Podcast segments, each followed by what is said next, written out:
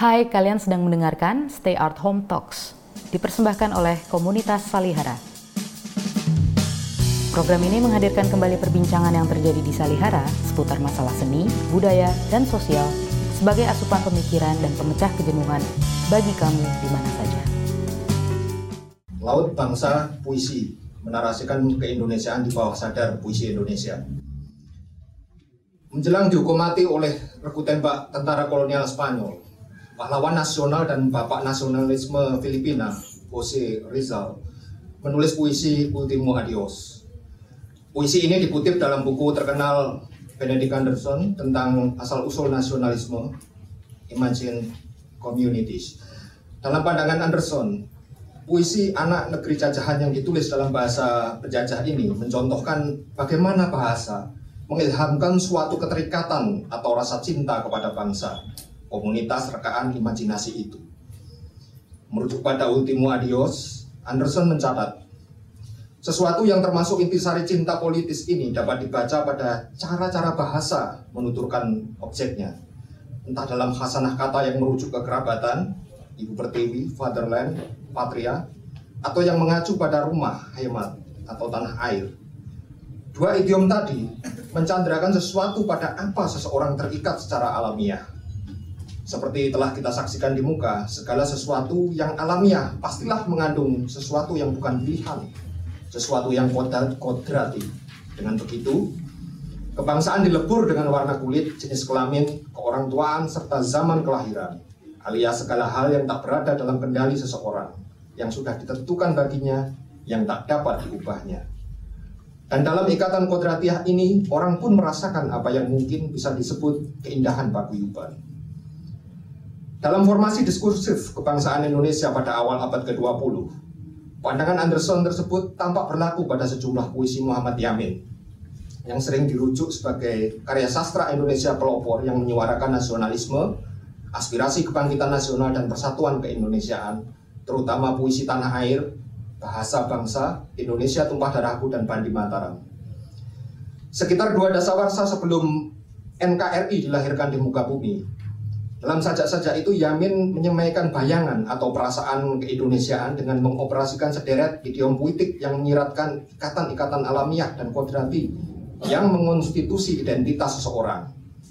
Antara lain tanah, tanah air, tumpah darah, panorama, alam tropis, ayah, ibu, istri, anak, nini, keluarga, moyang, kawan, saudara, andai tolan, kampung, badan, nyawa, kemudian juga seia, sehidup, semati, sekata, sekumpul, seikat, sehati, senyawa, sebadan, sungguh sejati, sedarah sebangsa.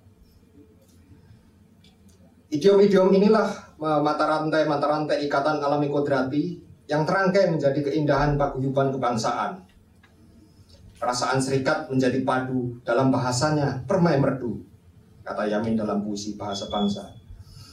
Yamin mengeksplisitkan sebuah ciri kesadaran nasionalis bahwa, mengutip Anderson, sejak awal bangsa sudah dipahami dalam bahasa. Dalam puisi bahasa bangsa, Yamin mengatakan, terlahir di bangsa berbahasa sendiri. Tiada bahasa, bangsa pun hilang. Oh tanah, wahai pulauku, tempat bahasa mengikat bangsa, katanya dalam puisi Tanah Air. Dari Muhammad Yamin, saya ingin sejenak kembali ke Jose Rizal. Ditulis untuk mengantisipasi El Maut yang segera datang menjemput. Puisi Ultimo Adios Jose Rizal mudah dibaca sebagai ucapan pamitan dari seseorang yang hendak pergi meninggalkan dunia fana ke alam baka. Tetapi, puisi ini juga terasa menyarankan bahwa tatapan sang penyair tidak semata-mata tertuju pada negeri kematian, kita baca bait ke-13. Tanah pujaan, dengarkan selamat tinggalku.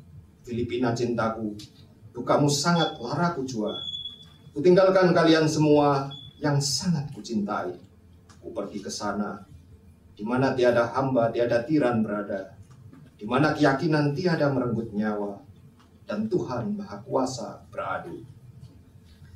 Osirisal akan pergi ke sana, jelas ke negeri kematian. Tapi mungkin yang terbayang di benaknya bukan akhirat, melainkan negara bangsa Filipina pasca kolonial. Sebuah alamat politis yang menjanjikan kebebasan, keadilan, dan kesetaraan. Dan janji itu dijamin dengan segel ilahiyah sehingga tak dapat diganggu gugat oleh manusia fana, terutama penjajah. Dalam bayangan maut yang tak terelakkan dan kemahakuasaan Tuhan yang tak bisa dipatahkan, terwujudnya negara bangsa Filipina pasca kolonial seakan-akan kodrat yang pasti terjadi. Sang penyair dan bangsanya adalah satu. Penjajah boleh mematikan Raga Rizal, tapi tidak sukma sang penyair yang lebur dengan bangsanya. Sebab mati hanyalah tetirah, istirahat, sebagaimana disimpulkan di akhir puisi Ultimo Adios. Jika kodrat mengendaki sang penyair pergi ke sana menuju alamat kemerdekaan di akhirat, maka kodrat yang sama meniscayakan bangsa Filipina pergi ke sana menuju alamat kemerdekaan di dunia. Inilah aspirasi nasionalisme yang kemudian menjadi terang benderang dalam bait terakhir puisi Bandi Mataram Muhammad Yamin, di mana Yamin mengatakan, kini bangsaku insafkan diri, berjalan ke muka, marilah mari. Menjelang padang ditumbuhi mujari, mujari dicayai merdeka berseri-seri. Motif pergi ke sana melatari puisi Menuju ke Laut karya salah seorang tokoh perintis kesusastraan Indonesia lainnya, Sultan Takdir Ali Sabana. Kita tahu, Ali Sabana adalah pendiri dan pemimpin Pujangga Baru, majalah bulanan pembimbing semangat baru yang dinamis untuk membentuk kebudayaan baru, kebudayaan persatuan Indonesia yang terbit pertama kali pada Juli 1933. Di bawah judul puisi Menuju ke Laut yang dimuat di majalah pembangunan pada September 1946, Ali Syahbana membubuhkan frase Angkatan Baru.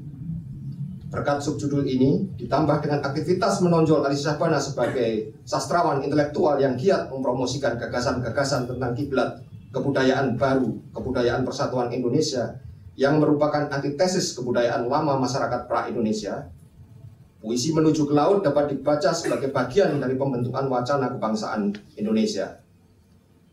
Puisi yang sesungguhnya mengabarkan tentang hijrah fisik subjek dari gunung ke laut ini menjadi isyarat hijrah rohani dari kebudayaan lama ke kebudayaan baru, yakni kebudayaan persatuan Indonesia.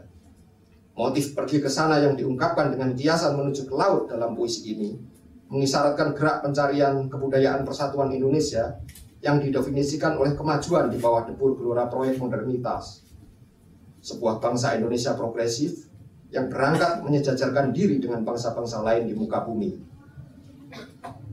Bayangan keindonesiaan dalam puisi menuju ke laut dikonstruksi dengan memutus ikatan dengan sesuatu yang alamiah dan kodrati.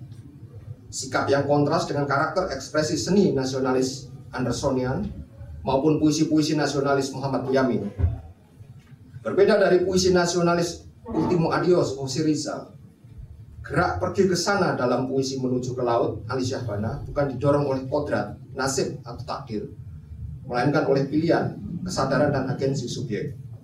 Kontras dengan puisi nasionalis Yamin, puisi Ali Syahbana ini menegasi sesuatu pada apa seseorang terikat secara alamiah, bahkan sampai dua kali pada bait pertama dan bait terakhir puisi menuju ke laut. Kata Ali Sabiana dalam puisinya, kami telah meninggalkan engkau tasik yang tenang, tiada beriak, diteduhi gunung yang rimbun dari angin dan topan. Sebab sekali kami terbangun dari mimpi yang nikmat. Sementara Yamin melegitimasi ke Indonesia dengan menggaungkan ikatan-ikatan lama yang alamiah dan kodrati Alicia Bana meluncurkan langkah retorik yang justru memutus ikatan-ikatan itu untuk menjalin identitas keindonesiaan baru. Nasionalisme Yamin berpijak pada genealogi kesinambungan bersamaan. Sementara nasionalisme Ali Syahbana bertumpu pada teleologi keterputusan dan perbedaan. Aspirasi nasional Yamin berbasis muasal, sementara aspirasi nasional Ali Syahbana berbasis tujuan. Lewat puisi menuju ke laut, Ali Syahbana terasa menampi anggapan bahwa bangsa Indonesia tumbuh dari masa lampau ke masa kini. Dan sebagai gantinya, Ali Syahbana menempatkan lokasi formatif keindonesiaan pada matriks yang terbentang dari masa kini ke masa depan. Sebab, tulis Ali Syahbana dalam puisi Menuju ke Laut, ketenangan lama, muasal silam itu identik dengan rasa beku dan rasa pengalang bagi berontak hati hendak bebas, menyerang segala apa mengadang. Maka sang penyair modernis pun memilih hengkang dari ketenangan lama, menyongsong cakra, cakrawala masa depan, meski diakuinya betapa sukarnya jalan, badan terhempas, kepala tertumbuk, hati hancur, pikiran kusut. Dengan memutus ikatan kodratiah dengan muasal silam, kemudian mengarungi lautan luas dan ganas di hadapan, apakah berarti subjek melepaskan keindahan paguyuban? Tercerabut dari kolektivitas yang mengunggung dan menjadi individu yang bebas dengan segala berkah dan kutuk kebebasan itu? Bagi Alisa Bana, tampaknya tidak demikian.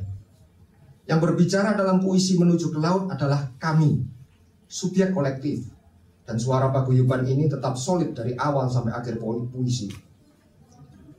Puisi menuju ke laut sinonim dengan menuju kebudayaan dan masyarakat baru. Sebuah judul prosa Aris Ali Sabana bertahun 1939. Kolektivitas yang beku dan menjadi pengalang itu adalah masyarakat lama yang ditinggalkan demi terciptanya kolektivitas baru bagaikan senyawa lama yang terurai menjadi atom-atom yang membentuk senyawa baru.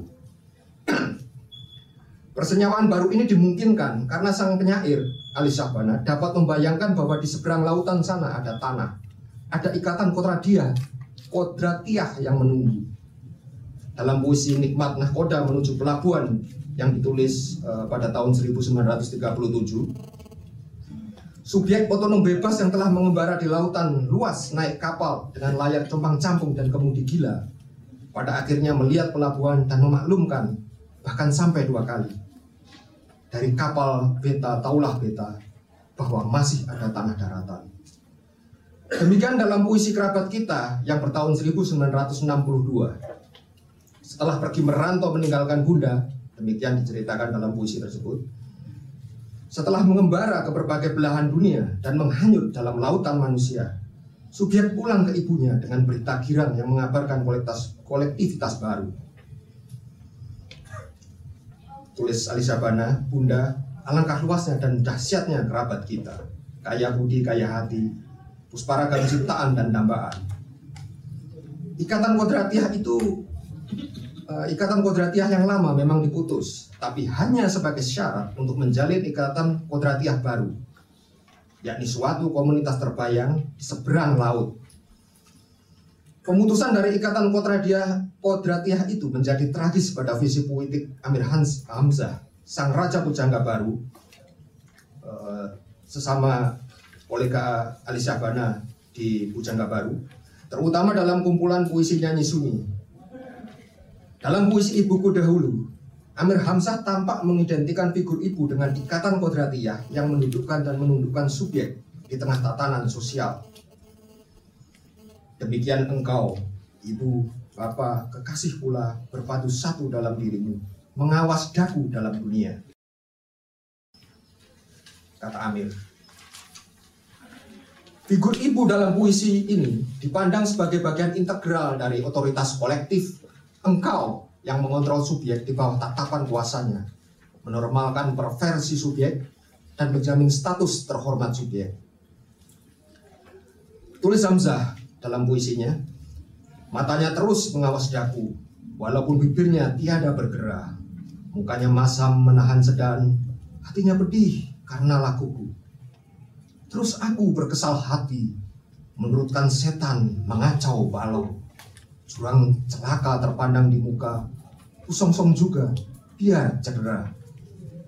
Bangkit ibu dipegangnya aku, dirangkumnya segera, dikucupnya serta. Dahiku berapi pancaran neraka, sejak sentosa turun ke kalbu. Dibaca sebagai personifikasi otoritas kolektif yang mengontrol individu.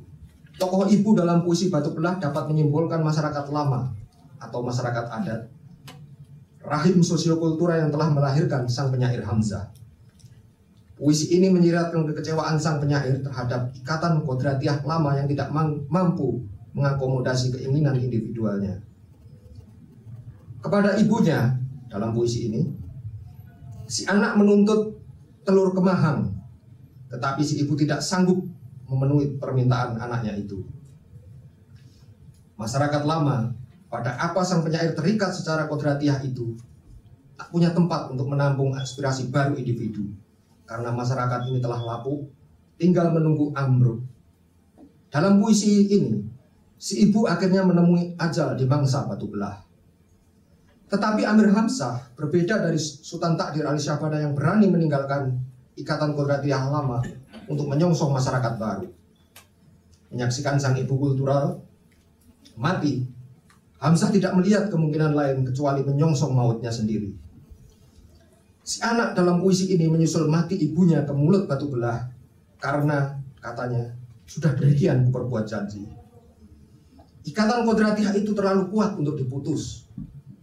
Dalam puisi terbuka bunga, Hamzah melihat terbuka bunga dalam hati dan ia tahu bahwa dengan mengelopaknya bunga ini layulah bunga lampau. Tetapi dalam puisi yang sama ia sangsi bakal menemukan bunga sejati yang tiadakan layu. Dalam puisi Taman Dunia, sang penyair Hamzah menyadari bahwa keterputusan dari ikatan kodratiah yang membimbing, mengarahkan dan menata kehidupannya hanya membuatnya termangu aku gilakan rupa. Terdampar sendirian di pulau subjektivisme radikal medan daya-daya dan dorongan-dorongan subjektif yang saling bertentangan. Maka Hamzah pun memilih untuk tak jadi terkutuk. Insaf diriku dera durhaka, katanya. Sebagaimana dikatakannya dalam puisi Insyaf. Meskipun keinsafan ini berarti serasa binasa. Mati ditelan ikatan kodratiah lama seperti dalam puisi Batu Belah, atau mati gila dan kesepian seperti dalam puisi Padamu Jua di mana pulang kembali aku padamu seperti dahulu, berakhir tragis dengan nanar aku gila sasar dan menunggu seorang diri mati hari bukan kawanku.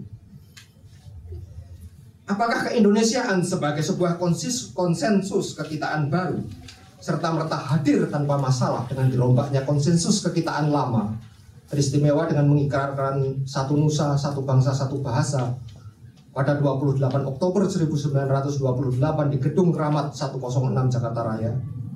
Sebuah peristiwa yang kita kenal sebagai Sumpah Pemuda.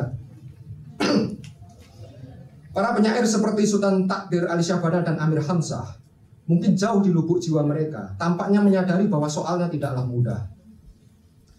Integrasi kekitaan baru mempersyaratkan bukan transformasi, melainkan disintegrasi kekitaan lama dengan segala prosesnya yang menyakitkan. Senyawa lama harus diuraikan dulu menjadi atom-atom untuk kemudian dengan upaya jatuh bangun trial and error ditempa kembali menjadi senyawa baru. Rangkaian integrasi, disintegrasi, reintegrasi kekitaan ini melibatkan pergolakan pikiran dan kemelut perasaan yang tidak mudah dinavigasi. Pada Ali Sahbana, sesudah meninggalkan tasik yang tenang, jatuh, mengerang, keluh, badan terhempas, kepala tertumbuk, hati hancur, pikiran kusut, setelah mengembara dengan kapal yang layarnya compang camping dan kemudinya gila yang akan tergandas hancur di karang. Sepulang dari rantau, menjelajah banyak selat, sungai, gunung, gurun, beragam warna bahasa budaya dan bersantap, bercengkerma, bercumbu, bertengkar, berselisih. Barulah subjek melihat masih ada tanah daratan dan dapat kembali ke haribaan bunda dengan membawa berita girang. Model disintegrasi kekitaan pada Ali Syahbana adalah eksodus dengan kemungkinan reintegrasi di seberang laut. Sementara pada Hamzah, proses disintegrasi kekitaan lama sebagai syarat pembentukan kekitaan baru terasa lebih telak dan total. Jika kita atau kekitaan terbentuk dari kesatuan, kesamaan, kebersamaan dari aku dan kau, maka puisi, kumpulan puisi nyanyi sunyi Amir Hamzah mengumandangkan keterpisahan, kebedaan, kesendiri, sendirian antara aku dan kau. Nyanyi sunyi menandai krisis batin hebat yang mengiringi kelahiran subjek atomik individual dari retaan senyawa kolektivitas. Dalam puisi Hari Menuai, Hamzah menulis, Lamanya sudah tiada bertemu, tiada kedengaran suatu apa, Tiada tempat duduk bertanya, tiada teman kawan berberita. Lipu aku di haru sendu, samar sapur cuaca mata. Sesak sempit gelanggang dada, senak terhentak raga kecewa. Ibu mengamuk, hati tergari, melolong, raung, menyentak, rentak, membuang, merangsang segala petua, tiada percaya pada siapa. Tiada percaya pada siapa, kata Hamzah. Model disintegrasi kekitaan pada Hamzah adalah eksklusi atau ekskomunikasi. Seperti Ali Syahbana yang melihat bahwa masih ada tanah daratan, sebetulnya Hamzah juga membayangkan kemungkinan reintegrasi kekitaan baru dari puing-puing kekitaan lama. Tiada bersua dalam dunia, tiada mengapa hatiku sayang, kata Hamzah dalam puisi Astana Rela. Sebab, meski bukan di dunia sekarang, masih ada kebersamaan yang membahagiakan di dunia kelak.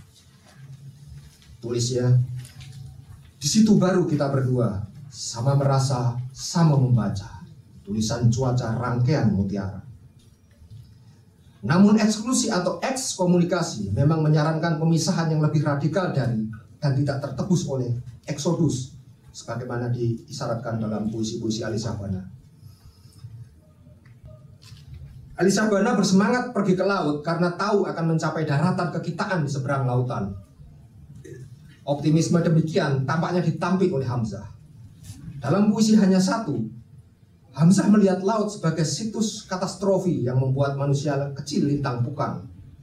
Bagi Hamzah, terapung naik jung bertundung, tempat berteduh Nuh kasihmu, bukan saja menghasilkan kebebasan, yakni yang dikatakannya sebagai bebas lepas, lelang, lapang di tengah gelisah suara sentosa, tetapi juga menimbulkan perpecahan baru.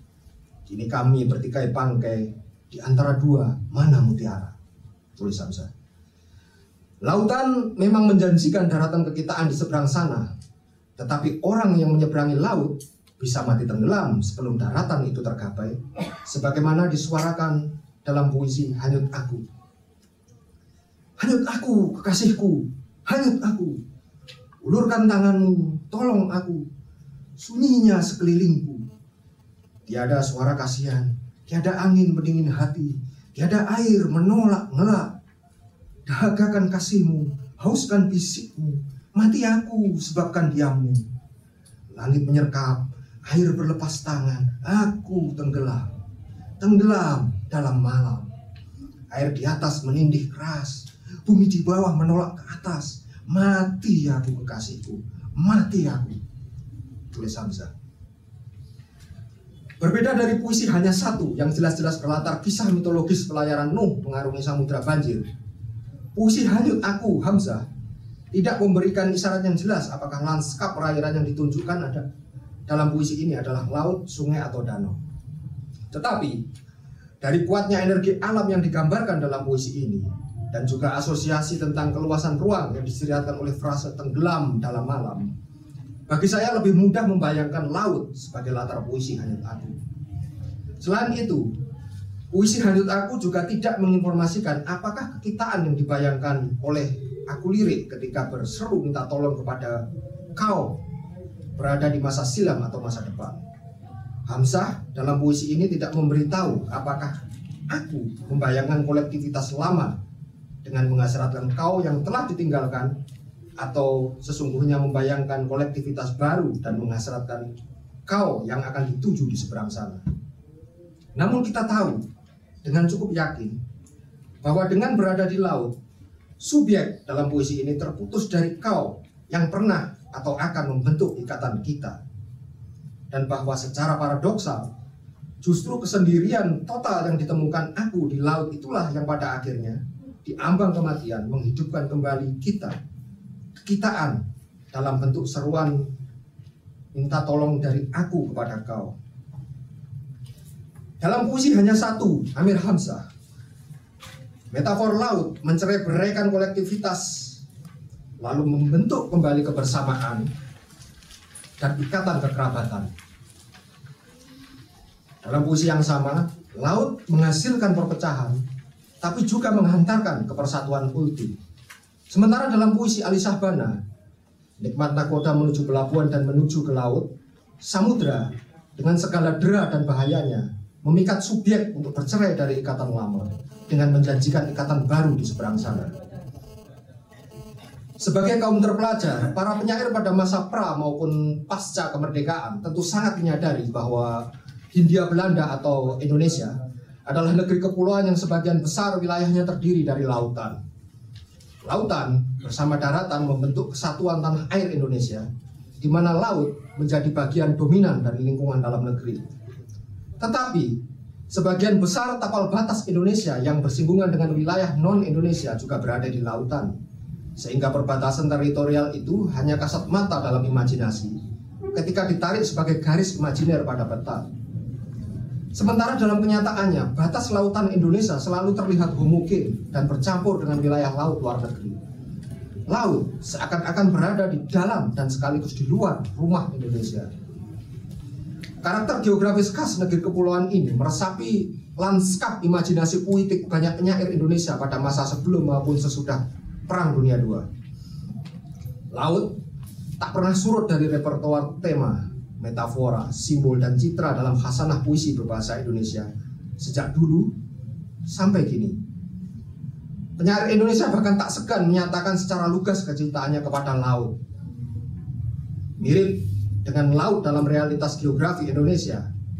Laut dalam imajinasi politik banyak penyair Indonesia cenderung menjadi situs diskursif untuk merepresentasikan daerah perbatasan, suatu frontier yang membatasi dan sekaligus melebur kategori-kategori yang bertentangan, individualitas kolektivitas, keterikatan kebebasan, keakraban keasingan, jauh dekat, soliter solider, perpecahan persatuan, dulu kini, tradisi modern, kampung halaman rantau, muasal tujuan, nyata maya, hidup mati, dan oposisi-oposisi biner yang lain.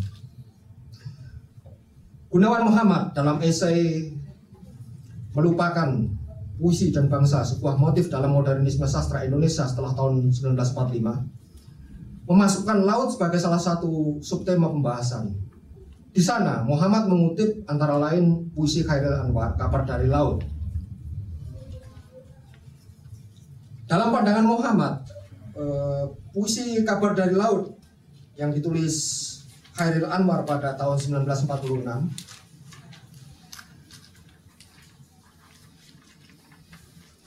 Yang menonjol dari puisi tersebut adalah bahwa yang ditinggalkan bukanlah sesuatu jalan untuk pulang, atau suatu pelayaran menuju asal usul melainkan ketujuan biru.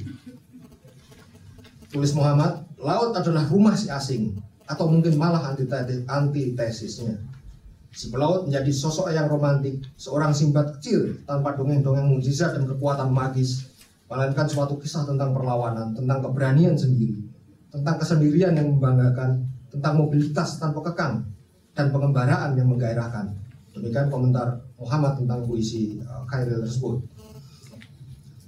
Bagi Muhammad, gerak metaforis pergi ke laut merefleksikan tindak melupakan, yakni yang didefinisikannya dalam esai itu sebagai pemberontakan dalam melupakan, suasana hati dari kehidupan tanpa titik pusat, perasaan hidup menggelandang yang hebat, terbang, lari, berharap tidak mencapai apa-apa pada akhirnya, dan melupakan secara aktif bahwa mempunyai alamat tidak penting lagi. Catat Muhammad dalam esainya, puisi Indonesia setelah Perang Dunia II yang ditandai dengan lirikisme yang intens dan digarisbawahi oleh karya-karya Khairil Anwar mendapatkan bahwa adalah hal alami untuk membebaskan diri dari ingatan dan memilih laut. Ada sesuatu kekuatan murni yang bisa dirasakan dalam tindak melupakan. Yang mengherankan mengenai hal ini adalah bahwa itu semua terjadi di suatu masa ketika para penyair sendiri secara tuntas dibaptis dalam suatu kesadaran tentang batas dan belonging yang muncul dari materialitas bangsa ini. Tetapi dalam pandangan saya, puisi Khairil Anwar tampaknya juga menyarankan bahwa berbeda dari lupa. Melupakan sebagai sebuah aktivitas sadar selalu berkorespondensi dengan tindak mengingat. Orang tidak dapat melupakan apa yang tidak diingatnya. Begitu juga sebaliknya, orang tidak bisa mengingat sesuatu tanpa melupakan sesuatu yang lain. Arus bolak-balik antara melupakan dan mengingat ini terekam dalam puisi kabar dari laut, pemberian tahu dan buat album DS. Tiga karya Khairil Anwar dari tahun 46 yang bersinggungan dengan wacana laut. Di mana bagian-bagian puisi eh, ketiga puisi ini menunjukkan motif melupakan, mengingat dan melupakan secara berselang-seling dalam tiga puisi Khairil tersebut, pergi ke laut, menandai terputusnya aku dari hubungan dengan kau yang pernah membentuk kolektivitas kita atau kami. Laut mencerminkan wajah individualistis sang penyair soliter yang berpuisi, mendesahkan kesadaran humanis tragis. Bukan maksudku mau berbagi nasib. Nasib adalah kesunyian masing-masing. Tegas Khairil dalam puisi pemberian tahu. Khairil Anwar dikenal banyak menulis puisi tentang problem eksistensial yang dihadapi dengan heroik dan tragis oleh seorang individualis modernis.